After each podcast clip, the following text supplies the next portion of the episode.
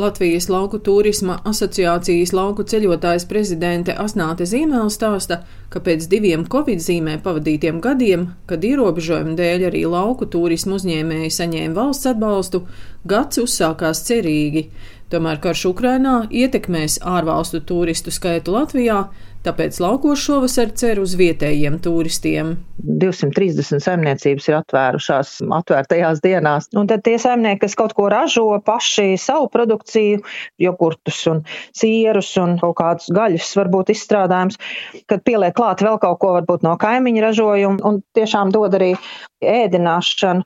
Tāpat ir ļoti daudz tādi vienkāršāki nakšņošanas iespējas, ir kā kempingu, dažādi tipi, tie glempingi ir ļoti sauguši kā sēnes ar dažādu telšu risinājumiem daudz dzīvnieku, apskates vietu, dažādi izskati vistiņām un trušiem un, un bērniem īpaši tas patīk. Un ļoti daudz tiešām piedāvājumu katrai gaumē gandrīz tiešām. Un man jāsaka, mums Latvijā ir, ir daudz eh, bagātīgāks šis piedāvājums nekā Lietuvā un Igaunijā. Un par to mēs tiešām esam priecīgi un lepni.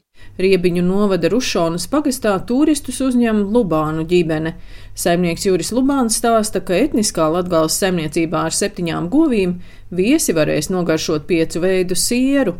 Saimniecība faktiski esot atvērta 360 dienas gadā.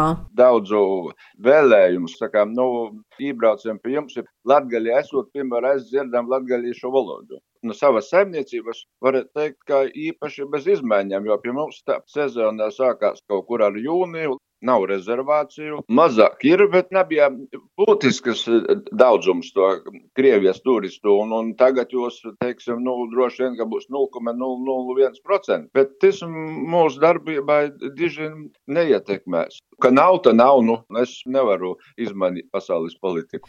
Vēnspils novada Jūrkalnas pagasta lauku sētā lūķi, ciemiņus uzņems jaunā saimniece Elīna Beitika, kas šogad pārņēmusi saimniecību no vecākiem. Atvērtajās dienās laukos ciemiņi varēs nogaršot kūkas, veidot jūras mandalas un apgleznot akmeņus.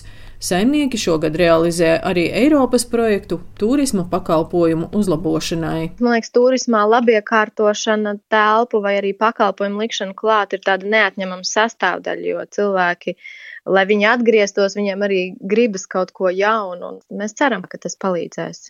Mēs esam uzstādījuši gaisa kondicionierus, līdz ar to vai karstā vai vēsā laikā tad ir iespēja pielāgot eh, arī klimatu iekšā telpās. Mums ir jaunas eh, gultas un jauni matrači. Mums ir arī jauns pakalpojums klāt, kas ir elektrovelo noma un, un supi mums būs, arī virtuves mēs labi iekārtojam. Saules paneļi tiks uzstādīti tuvākajā laikā. Tas, ko es ļoti izjūtu, ka cenas aspekts ir tas, kas īsnībā galvenais faktors, kā cilvēki pieņem lēmumus, ir sevišķi latviešu turisti. Asociācijas lauka ceļotājs prezidente Asnāte Zīmēla stāsta, ka šobrīd liela interese ir par pasākumu rīkošanu laukos, uzņēmumu sporta spēlēm, kāzām un ģimeņu pasākumiem. Mazāk nekā iepriekš laukos atpūtīsies ārvalstu viesi process ar tām rezervāciju atteikšanām ir beidzies.